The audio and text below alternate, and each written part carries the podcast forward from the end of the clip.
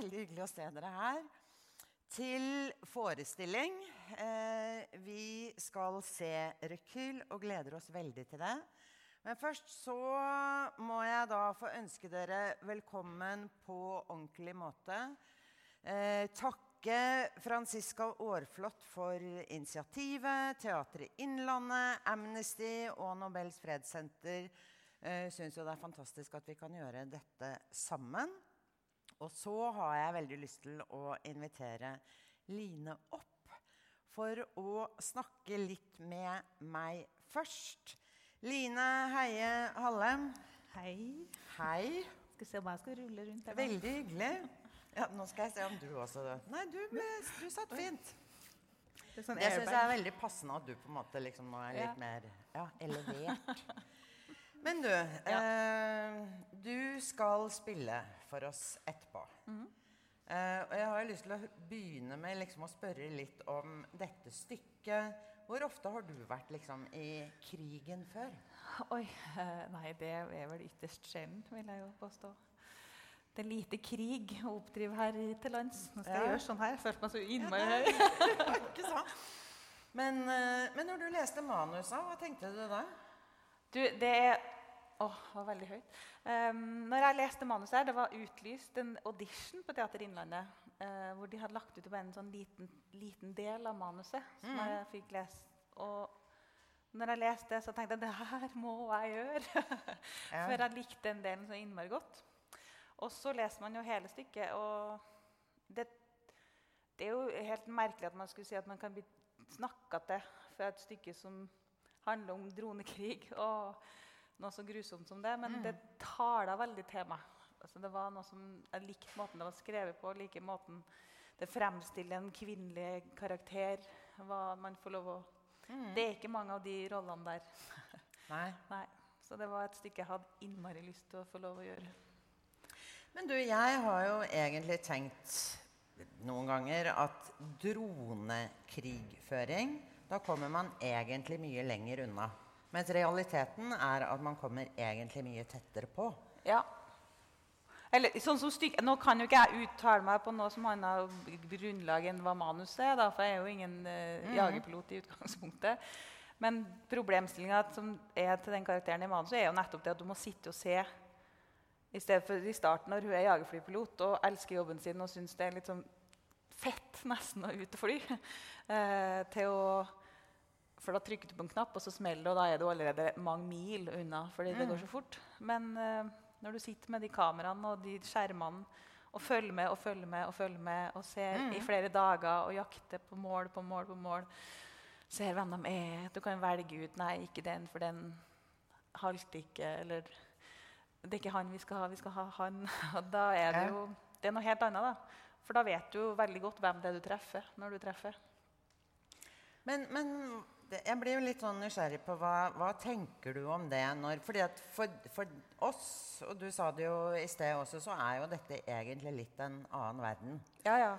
Eh, og hva er det sånn at du etter at du har spilt forestillinger, liksom går hjem og at det kverner rundt i hodet på deg når du skal legge deg til å sove? eller? Nei, ikke nå. Eh, eh, Men i starten, når man holdt på å skulle sette seg inn i det, så er det jo noe med Man skal finne alle de bakgrunnsmaterialene, og, du, og man tenker, skal rett og slett prøve å skjønne Prøve prøve en sånn stor grad du har sjanse til som skuespiller. da. For det er jo begrensa hvor liksom, mye man kan forstå når man bare skal liksom, forestille seg noe. Eh, så tenkte jeg innmari mye på det, og jeg ble utrolig stressa av å tenke på at det henger masse sånne droner rundt omkring oppe i lufta som kan følge med på så innmari mye. Og som jeg hadde visst uhyre lite om på forhånd. Så det, for meg var det et slags sånn Verden ble bare sånn enda trangere. Og det er følelsen av at det allerede er ganske trangt. Og at man allerede er liksom bekymra for uh, utenforstående ting som man ikke helt vet noe om. Eller at det kan skje noe, eller at man har fått allerede i Norge litt sånn terrorfrykt.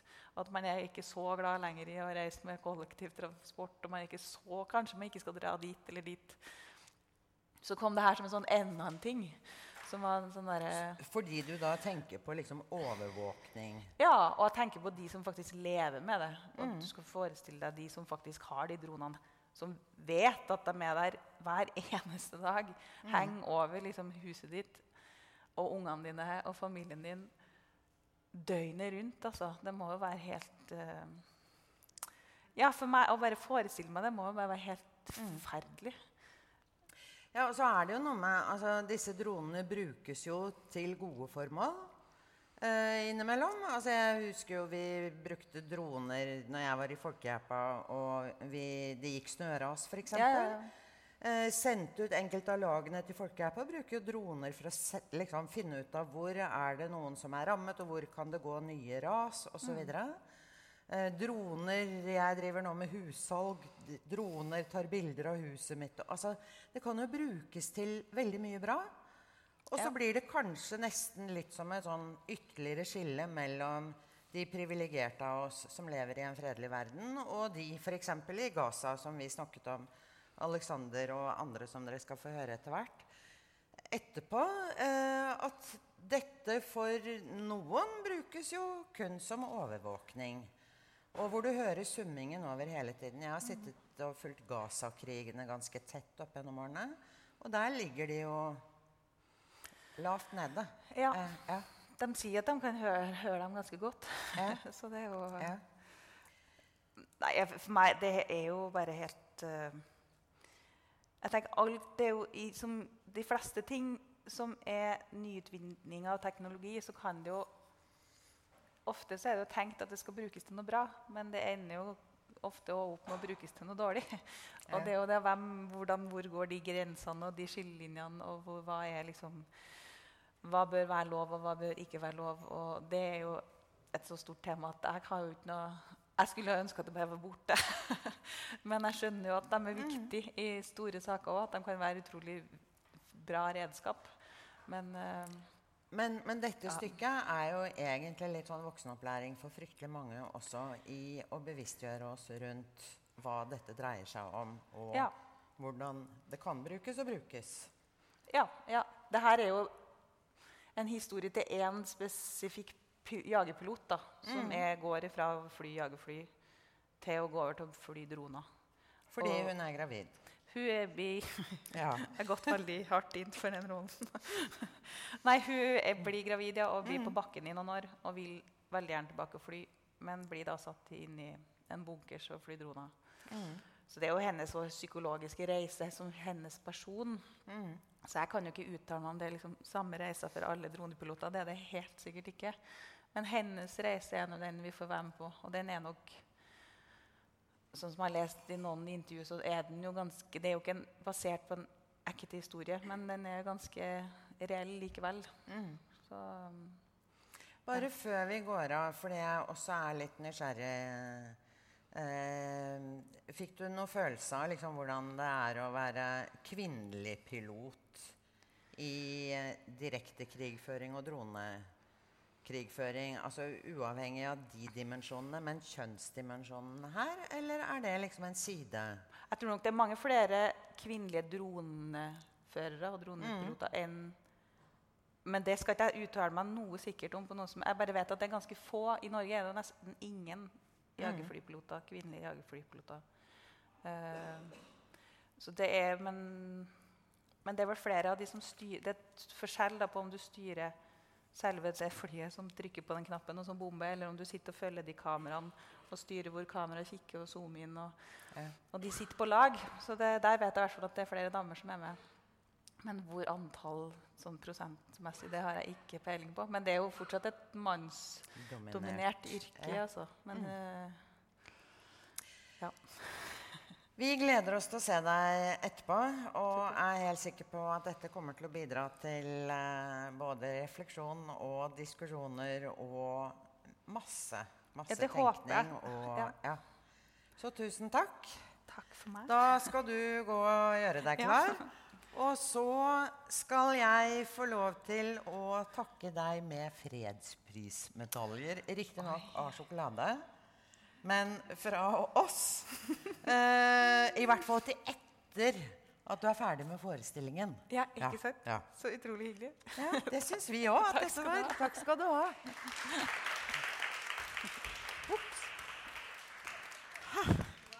Ja, det er et sånn lite varsko til stolene. Sett dere varsomt ned og reis dere varsomt opp igjen. Eh, tusen takk, Line. Gerald fra Amnesty, vær så god. Du skal få lov til å overta, styre stolene og introdusere panelet ditt. Takk. Vær så god. Ja, tusen takk. Um, takk ikke minst for uh, at vi får lov til å være her uh, i sammenheng med dette viktige stykket som jeg selv aldri har sett, uh, og gleder meg veldig til. Jeg, vet, jeg har bare lest om dette stykket i både britiske og amerikanske aviser, hvor de har fått fantastiske omtale. Så dette gleder jeg meg veldig til. mitt navn er Gerald Folkvart. Jeg er politisk rådgiver i Amnesty og jobber bl.a. med et Amnestys arbeid med et våpen, menneskerettigheter i krig og, og den uh, type ting. Med meg har jeg her uh, Tonje Skei Hessen, uh, regissør, som har uh, bl.a. laget filmen 'Drone', som dreier seg om dronekrigen, og bl.a. også kommer veldig tett inn på en, en, en, dronepilot og hans historie. Så er det Rune Ottersen, professor i journalistikk, som har forsket på bl.a. Eh, dekning av dronekrigen i media og den offentlige debatten, men også, som jeg har skjønt, har, vet veldig mye om droner. Uh, og så har jeg med meg Alexander Harrang, som i mange år har vært en, uh, si, en av Norges fremste eksperter på alt som har med våpen og krig å gjøre. Uh, som er styreleder i Det norske fredslaget og har fulgt dette temaet tett over, over mange år. Og jeg vil, jeg vil, kanskje starte med deg, Alexander. Det er jo en hvert, altså Innimellom hører man jo rapporter om droner, væpnede droner som dreper folk. Og menneskerettighetsbevegelsen, fredsbevegelsen, er jo veldig kritisk. Journalister er veldig kritiske. Men eh, er ikke, er ikke droner egentlig ikke noe annet enn ubemannede jagerfly som, som, gjør det menneskene bestemmer at de skal gjøre? Og eneste forskjell er at det dør ikke noen, man setter ikke piloters liv på spill når de opererer? Ja. Eh, først tusen takk for invitasjonen. Det kommer nok litt an på hvor La meg starte med å, å kikke litt på spørsmålet ditt først. Um, altså jeg kommer altså fra fredsbevegelsen, og i fredsbevegelsen så har vi jo et veldig enkelt utgangspunkt. Altså vi ønsker å å, å heve terskelen for å gå til krig.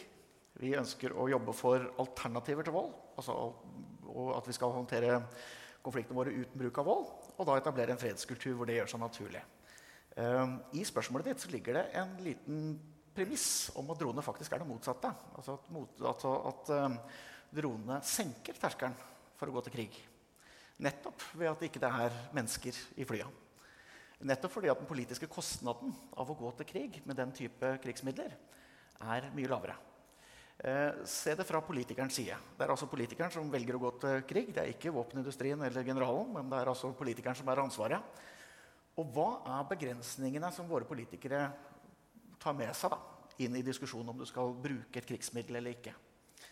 Jo, det har jo veldig mye med nettopp om du risikerer egne liv. Hvordan var det f.eks. med Afghanistan-krigen? Altså, det var et mindretall av den norske befolkninga som ytra motstand mot den krigen. Helt fram til soldatene begynte å komme hjem i kister. 2010. Det var der det store skiftet skjedde. Ti soldater drept. Plutselig fikk du en helt annen politisk diskusjon. Og vi ser hvor vi har endt opp med en veldig kritisk holdning i hele den politiske eliten i Norge til det vi har holdt på med der. Uh, dette her henger sammen. Uh, spørsmålet om uh, presisjon, om om kirurgisk krigføring. Alt dette her eh, Hvis jeg skal være litt frimodig, må jeg kalle det tøys og tull. Altså Som våpenindustrien og, og brukerne av væpna droner har, har eh, lagt fram som en stor sannhet, spesielt siden 2010. omtrent. Eh, altså At dette skal være en sånn form for klinisk måte å drive krig på. Det er jo bare tøys og tull. Eh, alle som har studert dronekrig i detalj, finner at sivile dør i veldig stort antall. Bare bruk koalisjonskrigen som nå pågår. altså Koalisjonskrigen mot IS i Syria og Irak som eksempel. Hvis dere går inn på airwars.org, så må dere veldig god oversikt over sivile dødsfall. I, de, I, den luftkrigen der så ser du at vi nå har oppe igjen 5600 sivile som er drept i den bomminga siden august 2014. Det er altså et tall som er vesentlig høyere enn f.eks. dronekrigen i Pakistan. Eh, veldig lite rapportert. Eh, det faktum at eh, en veldig stor andel av de bombingene her blir utført av droner, er det også forferdelig lite snakk om i både Norge og andre land som deltar i denne koalisjonen. Jeg mener å si, altså Hadde det vært mer snakk om tror du, hvis det hadde vært vanlige jagerfly som hadde, som hadde drept disse sivile? Jeg tror at utgangspunktet for at vi fikk en ganske seriøs dronedebatt for en type sju år siden i Norge, handla om at det var noe helt nytt med måten å krige på. Eh, spesielt dette her med utenomrettslige drap. Det var en veldig viktig ting. Eh, dette her med at man fikk et nytt krigsmiddel som gjorde at man kunne rett og slett gå etter det man ville eh, anta var kriminelle, og drepe dem uten lov og dom. Den uh, vinklinga her det var også det som fikk uh, menneskerettighetsbevegelsen og menneskerettsorganisasjonene, spesielt Amnesty og Human Rights Watch, på ballen ganske tidlig. At man så denne nye bruken av CIA-droner i Pakistan spesielt. Men også i bruk i Jemen, i Somalia, Filippinene og andre steder. Uh, den problemstillinga der den var ny og fresh. på en måte. I dag er den ikke det. I dag er den problemstillinga her integrert i luftkrig generelt. Og den sprednings... Eh, altså det har vært en enorm dronespredning både i forhold til produksjon, eksport, bruk Eh, vi ser en eh, allmenngjøring av dronekrigen. på alle mulige måter, og jeg tror Det er det som er mye av grunnen til at vi har mista perspektivet på dronekrig spesifikt. Altså at det har blitt en for stor del av en integrert krigføring. Jf. f.eks. bombinga av Sirte i Libya eh, april til desember i fjor. Eh, hvor eh, den store aksjonen der var det altså 80% av bombeangrepene som skjedde med droner. Men jeg har ikke sett en eneste norsk avis eller medie som kalte det en dronekrig. Så vi har mista litt perspektivet på det vi kalte dronekrig for kanskje fem, seks, syv år siden. Mm. Eh, Tonje, du har jo laget en, en, dokumentarfilm om dette som har fått ganske mye oppmerksomhet. Nettopp kanskje fordi det var så lite kjent hva det egentlig er som skjer. Og det er jo, eh, som Alexander har vært inne på, dette er jo et, helt, et, et veldig viktig element av denne krigføringen med med et eh, tekniske virkemidler, og kanskje generelt av moderne krigsføring. At man prøver å gjøre det sivile kostnaden usynlig. Vi må huske at alle disse krigene der droner brukes mest, i Afghanistan, Irak, i Syria, i Jemen, ikke minst i Pakistan, de gjøres jo egentlig for å gjøre oss tryggere. Det er jo en del av denne krigen mot terror, som jeg ikke skal beskytte sivile i Irak og Afghanistan, men som skal beskytte oss i Vesten mot de terroristene som sitter der. Um, og Da er det jo veldig dumt hvis man får vite om alle de sivile som, som dør. Så denne usynliggjøringen er jo et viktig element av denne, av denne dronekrigen. Uh, men den usynliggjøringen den virker ikke bare på et sånn nøytralt publikum som oss. Det virker jo også på de som styrer disse dronene. Som jo delvis egentlig ikke aner hva de gjør. De sitter jo og tror de forsvarer landet sitt og dreper slemme. Uh, mens de senere kanskje finner ut det har vært mange barn med i pakka. Og du har kommet ganske tett på en av de, i hvert fall, uh, Brandon Bryant, som en, spiller en viktig rolle i din, uh, i din film. Eh, kan ikke du si litt om hvordan han reflekterte over det han hadde gjort i etterkant? Jo. Um, altså, vi møtte Brenn Brennan i uh, 2012. Uh, da hadde han nettopp snakka ut for første gang i Dare Der Spiegel. og etter han sto fram som kanskje den første dronepiloten som snakka det amerikanske eh, luftforsvaret rett imot, eh, så begynte jo en enorm eh, heksejakt på han egentlig. Hvor media bare kjørte frem Det ble veldig sånn sensasjon og tabloid dekning av han. da. Så det tok lang tid før vi fikk tillit og kom tett på og fikk lov til å fortelle historien hans. Um, han er jo på mange måter et ødelagt eh, menneske uh, av det han har eh, opplevd. Han er også kanskje den modigste personen som jeg kjenner. Vi har jo blitt familie gjennom den prosessen her. Men for han så tror jeg sånn, altså Når han gikk inn i, da, gikk inn i militæret altså Han ble jo verva inn når han gikk på high school. Eh, og ble lovt eh, gratis eh, utdannelse. og syntes egentlig det hørtes helt topp ut, for jeg var livredd for å få studentlån. Jeg kommer fra ja, en enslig mor og litt sånn uh, trange kår hjem. Um, og også fra en veldig veldig kristen og patriotisk uh, familie. Uh, så for han så var det liksom hans plikt egentlig å gå inn og forsvare the freedom of the great nation. You know? Og han fortalte jo også når han da Egentlig så skulle han begynne i et helt annet program eh, som dreide seg om liksom, eh, informasjonsanalyse og litt sånne ting. Eh, men når han kom eh, dit, så hadde de gjort om på planene. Så ble de kjørt med buss inn til en svær hall eh, hvor de spilte liksom, en helt sånn latterlig heavy metal-sang. Om det var Metallica eller et eller annet med masse bilder av jagerfly og eksplosjoner og alt sånt. Og så sto det liksom en sånn general uh, foran der sånn This is gonna be your job. You're gonna, you know uh, sånn, Explode things. And, um, han, han, liksom solgte inn på en sånn måte at det skulle være utrolig kult. da. Um, og i bunkeren eh, som Brennan satt i, så når de kom inn der på jobb, så var det jo et eh, bilde av 9-11 som møtte dem når de kom inn. Og jeg tror egentlig Det tok ikke så lang tid før at Brennan uh, begynte å føle uh, at det her var feil. Uh, og han, han, reagerte utrolig kraftig liksom, på hvor lite respekt det var liksom, i hele systemet. og det var jo gjennomsyra av stoffmisbruk og ja, det ene og det andre. Um, men når han da prøvde å, å finne noen å prate med om det her, Eh, så fikk han jo bare beskjed om at eh, han var nødt til å holde kjeft. Eh, ellers så kom han til å bli sparka ut. Og hvis du blir sparka ut av det amerikanske forsvaret, eller the US Air Force, så blir du jo bannlyst. Det er jo hver enn å altså, Rullebladet ditt er sverta for alltid. Um, og den eneste personen han kunne snakke med, var altså da en prest og da fikk en bare høre at uh, 'this is uh, God's will'. Um, så han ble jo faktisk altså Han bare innfant seg med at dette var situasjonen hans. og ble jo den dronepiloten som fløy mest mens han var inn. Um, og fikk jo masse utmerkelser. Og, sånt. og når han da var ferdig, så fikk han en diplom eh, hvor det sto altså, da, hvor mange personer han hadde vært med eh, å drepe. Mm. Eh, og da knakk han egentlig helt sammen. Ja. Ja. Så, så, det var egentlig før han, for det gikk opp for ham hvor mange sivile som var blant de drepte? Ja, altså Han vet at han uh, sjøl har, uh, har, drept uh, 11 eller 13 uh, personer. Uh, men han har deltatt i operasjoner som har drept om det er 1200. Jeg husker ikke helt uh, tallet.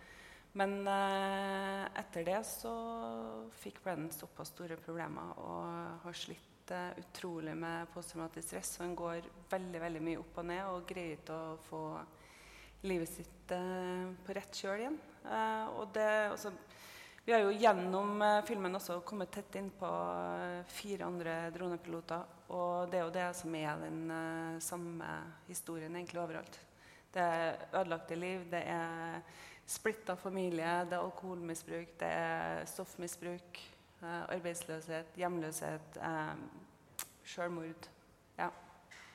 Og helt opp, du sier at Branton var en av de modigste menneskene du kjenner. for helt oppi det er det jo også Altså, de er jo ikke bare ødelagt av det de har vært med på. De, også, de møter et samfunn som ser på dem som forrædere hvis de ikke er stolte av det. Ja, altså jeg tror liksom eh, uh, For Brennan, så, så, når han da sto fram, så tror jeg han hadde forventa at eh, alle de andre som han visste følte det samme som han innad i dronesystemet, kom til å stå fram og, og støtte den. Eh, så først og fremst så ble han veldig skuffa over reaksjonen fra dem. med en gang han fortalte historien sin, så mottok han jo dødstrusler og frykta jo for livet sitt. Så um, det har vært en uh, utrolig heftig reise. Uh, men det er også mye positivt som har skjedd i det. Jeg tror det For Brenna, det å stå frem og fortelle om virkeligheten fra innsida av droneprogrammet. Har også hjulpet han i liksom, healing-prosessen hans. da. Og han, var I fjor eller forfjor så fikk han en veldig viktig pris i, i, Berlin som heter The Drone, oh no, The Whistleblower of the Year Award. Og altså, Før han så har Assange og Snowden uh, fått den. Så det var en veldig sånn utmerkelse uh, for Brenn. Men jeg tror han føler seg veldig sånn ensom og forlatt, egentlig, stort sett.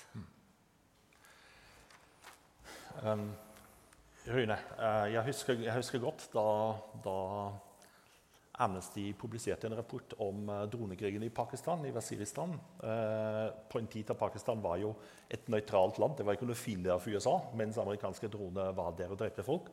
Um, og det var liksom en historie som jeg, som jeg, fortsatt husker veldig godt. om en... Uh, det man kunne rekonstruere etterpå, var vel at det var antageligvis en, en Taliban-kriger som hadde kjørt med en bil og stoppet ved siden av en landsby og hatt en samtale på satellittelefon. Og så kjørte han videre. Og denne Satellittsamtalen ble da fanget opp av en CIA-spionasjesatellitt. Og, og, som da førte til at det ble en drone sendt dit. Men i mellomtiden var det en, eh, en, gammel kvinne som da var der med sine barnebarn, som da ble drept av denne dronen. Og det er litt sånn, uh, Sønnen hennes fortalte hvordan han uh, plukket sammen, samlet sammen delene av, av, av, av moren etterpå. Og de og denne, denne, denne, rapporten, sammen med den rapporten som kom fra Human Rights Watch i samme år om dronekrigen i Jemen, den sørget, sørget, jo plutselig for en debatt om det som var den mest hemmelige av alle krigsmidler i, i Obama-administrasjonen. Og jeg husker altså, Familien til hun, hun, gamle kvinnen var i den amerikanske kongressen, og det ble rapportert av mye tårer da de snakket der. Og så, videre. så i en liten stund var dette veldig opp til debatt, men så virket det sånn at det stilnet igjen.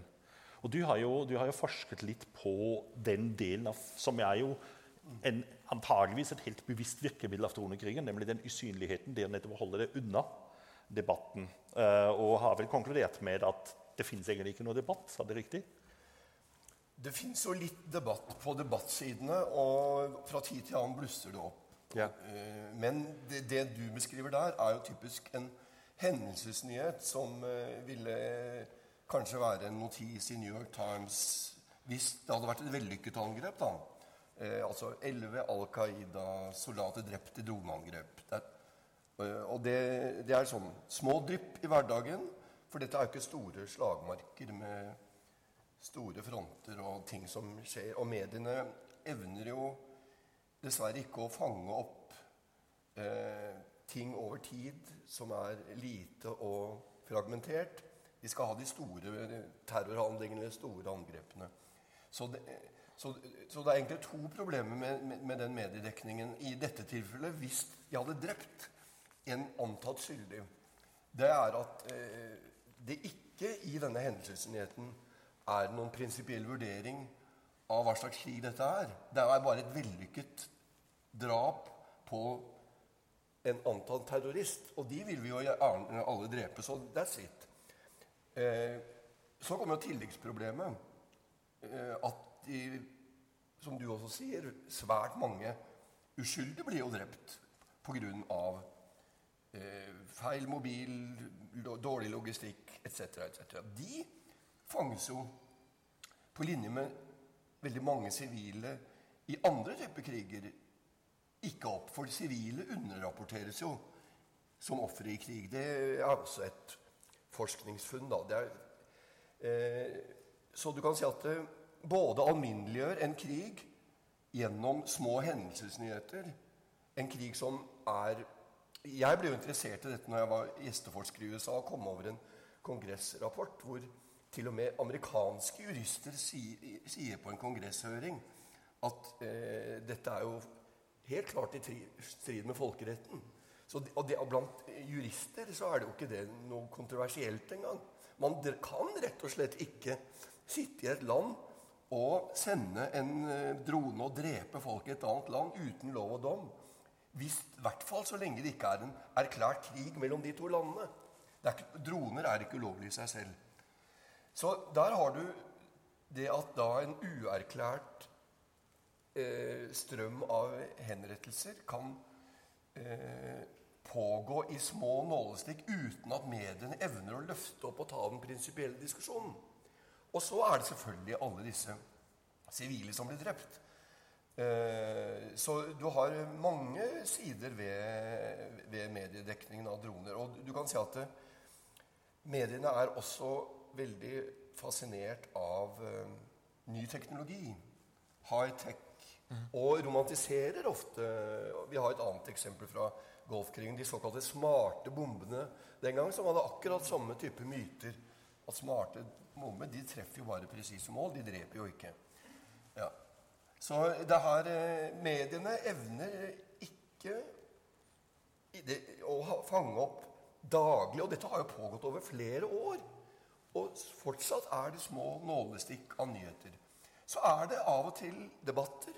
Det er av og til spesielt Jeg har sett på både New York Times og Aftenposten over en periode. Og spesielt i New York Times så er det jo på debattplass mange folkerettseksperter og eh, menneskerettighetsaktivister eh, som uttrykker alle disse bekymringene som vi uttrykker nå. Så det er ikke det at argumentene ikke fins, men de blir ikke løftet opp på et politisk nivå i den daglige politiske debatten.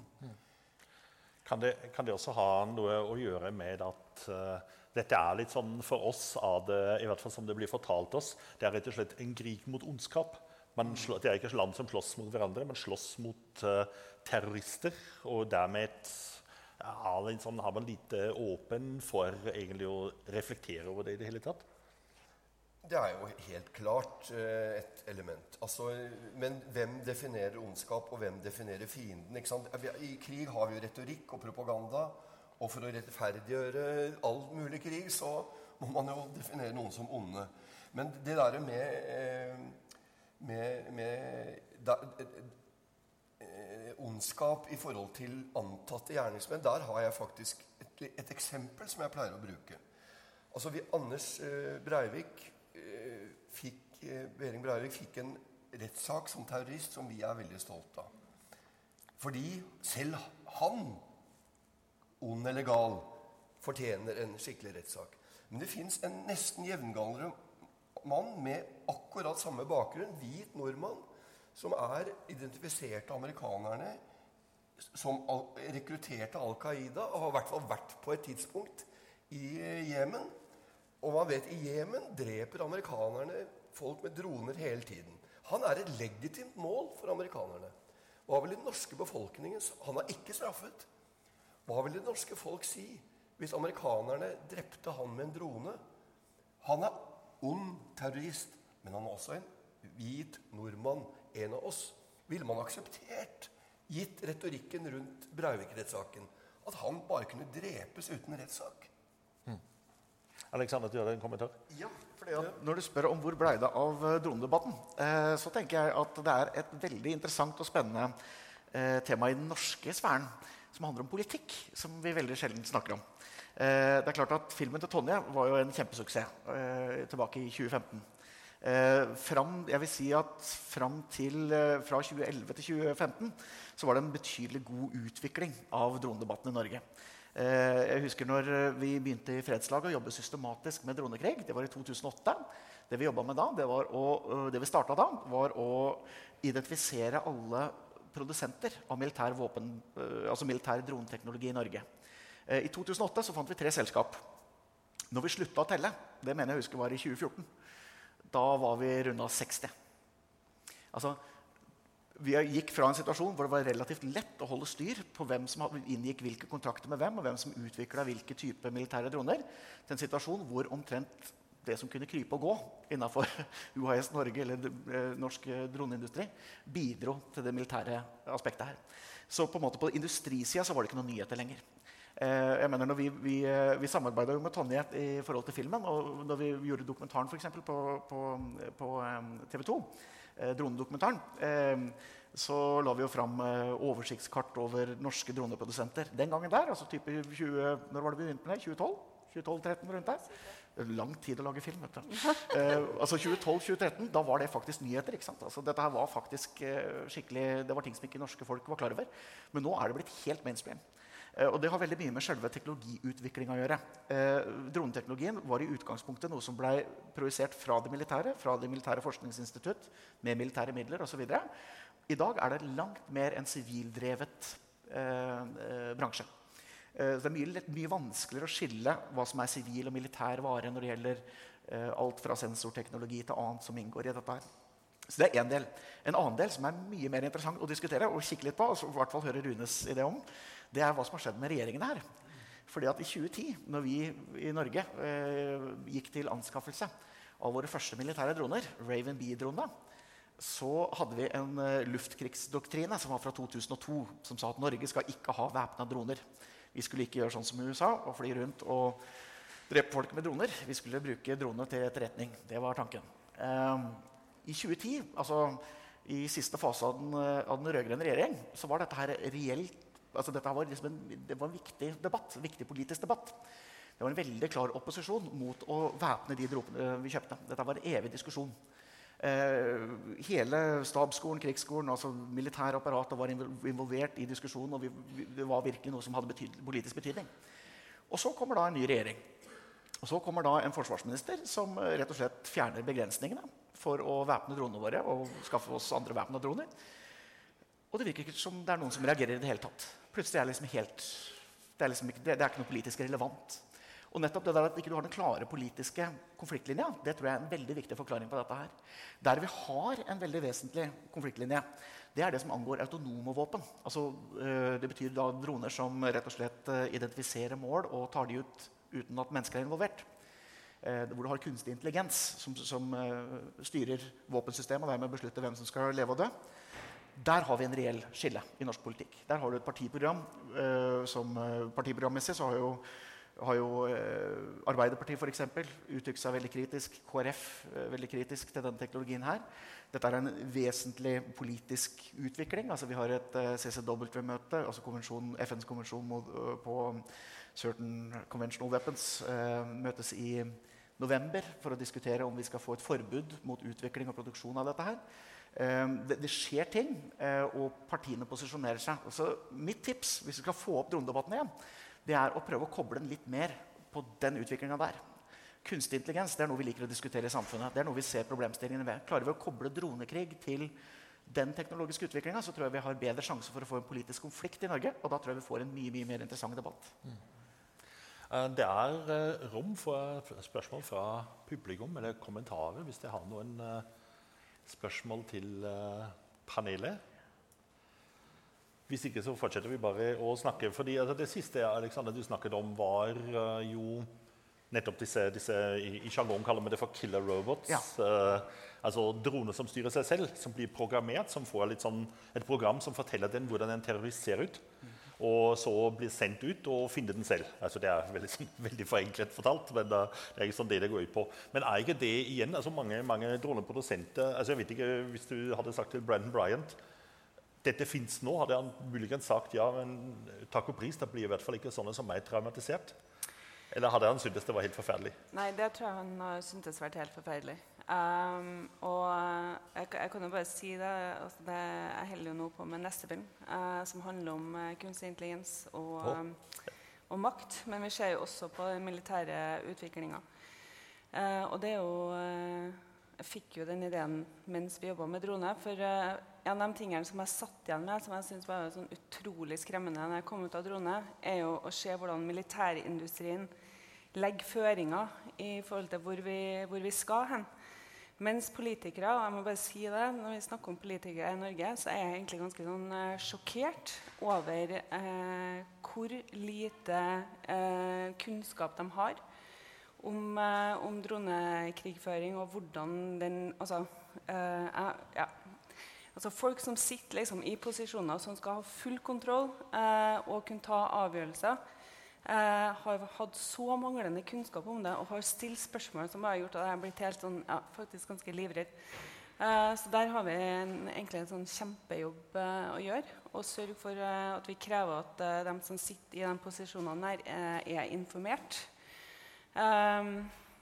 men i forhold til altså de instansene internasjonalt særlig som skal, skal passe på liksom, at det er lover og regulations og, og, innsyn i forhold til hvordan man holder, holder de involverte ansvarlig, eh, det finnes jo så å si ikke. Altså FN er et veldig veldig, veldig tregt dyr eh, som ikke greier å følge med utviklinga. Eh, allerede nå så, så, er det snakk om at uh, amerikanerne holder på å teste ut et uh, kunstig intelligens-program på bakken i, i, Syria. Og det virker jo på mange måter som om Syria er et stort eksperiment på mange forskjellige måter. Eh, så vi følger det programmet der ganske tett. Heter forresten altså Project Maven. Uh, og de er jo veldig stolte over at de sier at dette skal lanseres på, på bakken uh, i konfliktsoner i år. Men det har allerede starta. Men de våpnene som er på vei, eh, er noe som er utrolig viktig å følge med på. Ja. Fordi det er jo, Rune, kanskje mest, men egentlig alle um, altså, Mange av de landene som er verstingene når det gjelder bruk av, av væpnede droner, særlig når det gjelder usynliggjøring av sivile tap, det er jo demokratiske land. Altså det, er liksom, det, er litt lettvint kanskje å skylde på militære og politikere i USA, nå kanskje også i Norge, selv om Norge ikke dreper folk med disse dronene. Uh, Storbritannia som bruker de osv. Men det er, jo, det er, jo, basert på det folk tillater. Har vi, har vi blitt kald? Har vi sluttet å bry oss om, om sivile krig? Ja, Det har jo alltid vært et problem at man ikke har brydd seg om sivile krig. Men det som jeg syns først og fremst amerikanerne, som har jo valgt dette som sin hovedstrategi i krigen mot terrorgrupper, er at ikke de er mer nervøse for at det skaper presedens for at andre land gjør uh, som de selv gjør. Og ikke minst om IS og Al Qaida får tak i droner. Altså, det at ikke, de, Denne teknologien var det jo Når dette tok av tre-fire land som Israel og USA og, og Storbritannia, noen få som behersket Nå har jo eh, mange og tjue, sa du vel? Ja. Også, eh, Kina har droner. Kina har begynt å selge droner til Saudi-Arabia. Eh, og der har jeg et annet paradoksalt eksempel. Eh, den eneste en av de få med Al Qaida-tilknytning som er dømt i norsk rett, er faktisk en tidligere mann fra eh, igurbefolkningen i Kina som er dømt for å planlegge terrorangrep konkret mot Jyllandsposten. Kina prøvde lenge å få utlevert ham eh, fordi han var antatt terrorist. La oss si at Kina tenkte som USA. Og la oss si at denne mannen var på Hardangervidda og trente. Og hva prinsipiell forskjell er det om Kina hadde sendt en drone og drept han og kanskje drept en norsk renjeger isteden? Som at Nevada, i ørken sitter amerikanere, som vår kvinnelige dronepilot her, sender over hele verden. Det er prinsipielt akkurat det samme. At ikke de er mer redd for at når de har satt standarden, at den type ulovlig, umoralsk og uetisk krigføring skal spre seg. Bare først et par kommentarer til akkurat dette her med Syria. Eh, kjempespennende å høre om Tonjes nye filmprosjekt. Jeg hører veldig gjerne mer om det. Eh, dette her med om, eh, om terroristgrupper, ikke-statlige aktører, får tak i droner. Der er vi faktisk allerede gått forbi det terskelen. De siste 17 månedene så har vi sett dette her skje i Syria. Både IS og Hezbollah har brukt væpna droner i 17 måneder nå. Det begynner å bli ganske mange eksempler på drap utgått av disse her. Dette peker på akkurat den eh, proliferation issue, den spredningsproblematikken, eh, på et helt nytt nivå. Altså spredninga til ikke-statlig aktør. Det er klart at Når vi har gått fra 3 til 26, altså i forhold til stater som produserer væpna droner, så har vi også økt antallet som eksporterer droner. Eh, afrikanske land kjøper nå væpna droner. Det gjorde de ikke for fire år siden. Israel bare i 2016 ut fra deres egne tall, så eksporterte de væpna droner for 526 millioner US dollar. Eh, det er, en, og det er altså et land som opererer utenfor MCTR, altså utenfor det eksportkontrollregimet som er ment å begrense. Se bare på gårsdagen med Buy American Act, eh, Trumps nye, eh, nye, endring av lovverket i USA. Hvor han altså innfører et lovverk etter, etter droneselskapenes intense lobby over mange måneder. Som da tar bort en begrensning på bæreevne til drona. Eh, Dvs. Si at eh, droner som kan bære tunge våpen, altså 500 kg pluss, eh, missiler og sånt, det har tidligere vært veldig veldig restriktivt å eksportere fra USA. Der har de nå fjerna restriksjonene fra i går av. Allerede i dag ser vi flere store stater kommer inn på markedet. Dette er en direkte respons til den spredninga som Rune peker på, som bl.a. har med Kina å gjøre. CO3 og CO4-dronene, som uh, har blitt eksportert i stort monn over de siste tre åra fra Kina. Dette er tilsvarende droner som det amerikanerne bruker i Syria osv. Altså Reaper og Predator-droner. Uh, tilsvarende uh, krigsmateriell. det er altså disse dronene som har endt opp i Saudi-Arabia, som Saudi-Arabia nå bruker i Jemen. Det er de dronene som nå Nigeria bruker. Det er de dronene som, som, som sprer seg virkelig fort. Iran har eksportert tilsvarende. Mm. Uh, og Det er den type krigsmateriell som man nå åpner dørene fullstendig for. Og hvorfor skjer det? Jo, Ut fra amerikansk retorikk i går så er altså logikken at de nå er i en situasjon hvor ikke de kan begrense spredning. Og dermed må de konkurrere. Kan jeg bare ta ett punkt til? Eh, Gerald? For at jeg er tross alt fredsaktivist. Ja. Og det er litt viktig å si noe om hva vi kan gjøre noe med.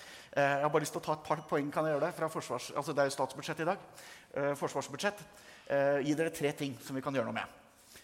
som angår denne debatten her. nummer én det står om en ting som blir flott portrettert i filmen til uh, Tonje.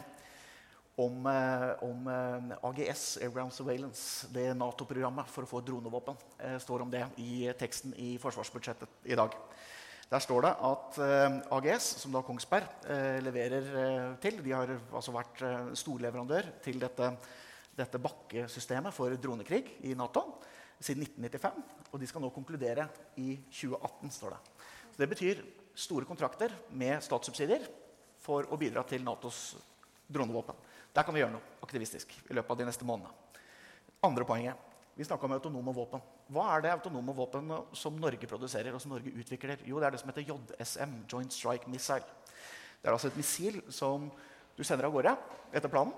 Eh, og, og, som da identifiserer mål og tar ut mål uten at mennesker er involvert. Det er altså dette her vi prøver å forby internasjonalt, som Norge driver og utvikler nummer, altså ledd tre i JSM-utviklinga den står det i, i, forsvarsbudsjettet i dag at det blir bevilga litt over 4 millioner kroner til. 4,6 millioner. Det er for å få det siste testslippet i USA av denne missilen for å få den til å bli autonom. Med andre ord, Det er utvikling av mot autonomi som norske stat, nå ønsker, altså regjeringa, nå ønsker penger fra Stortinget for å utvikle. Hvis vi får gjort noe med dette, her, så setter vi en finger i det såret. Eh, I 2014, når de starta dette her, hvor Stortinget hadde en investeringsproposisjon, som var første gangen som investerte i dette JSM-missilet for at det skulle bli autonomt, så tok vi i Fredslag kontakt med alle partiene. Vi klarte å få en viss reaksjon fra SV, men ikke noen andre. For det var ikke den politiske konflikten rundt autonome våpen som det er mulig for å få nå. Med andre ord, hvis vi gjør den samme jobben nå, så kan vi kanskje få til noe. Vi kan kanskje klare å spille de som er for autonome våpen, opp mot de som er imot autonome våpen. på en annen måte enn vi har gjort tidligere. Så det er mulig å bryte den sirkelen der. Det var det andre. Og det tredje er i forhold til eh, også i Forsvarsdepartementets eh, budsjettproposisjon, altså regjeringas forslag til forsvarsbudsjett, så står det altså om CV90-prosjektet, dette som går på, på nye, nye pansra kjøretøy til Hæren. Eh, kjempestort prosjekt på 10,7 milliarder kroner. I teksten i budsjettet så står det faktisk at det er autonome bakkekjøretøy. Altså droner som går på bakken som også skal finansieres gjennom de 10,7 milliardene. Det er aldri diskutert i Stortinget før. aldri vært noen offentlig debatt om. Her har vi sjansen til å gjøre noe. Så nå de neste månedene når statsbudsjettet skal behandles, hvis vi adresserer de tre tingene, så får vi gjort litt grann i forhold til droneutviklinga i Norge. Og Det er en veldig viktig uh, tanke å ta med seg, med seg herfra. Uh, dette er ikke en utvikling som ikke kan stoppes, eller i hvert fall ikke kan kontrolleres. Dette er noe hvor det finnes veldig mange aktører, ikke minst også i FN-systemet, mange land frivillige organisasjoner som jobber hardt med å få uh, bedre kontroll over den type krigsføring og gjøre de usynlige opp for synlige. Og hvis vi alle er med på det, så, så, så kan vi faktisk gå imot denne, denne utviklingen. Da hadde det ikke vært gøy hvis vi for første gang kanskje i menneskehetens historie hadde klart å få til at man har en teknisk utvikling hvor man rett og slett bestemmer seg dette skal vi ikke bruke fordi det er umoralsk det kan vi ikke forsvare med vårt menneskesyn og våre verdier. Tusen takk, eh, Tonje, Rune og Aleksander, for en kjempespennende samtale. Det er ikke siste gang vi kommer til å snakke om dette. her, det er jeg helt sikker på. Takk skal dere ha.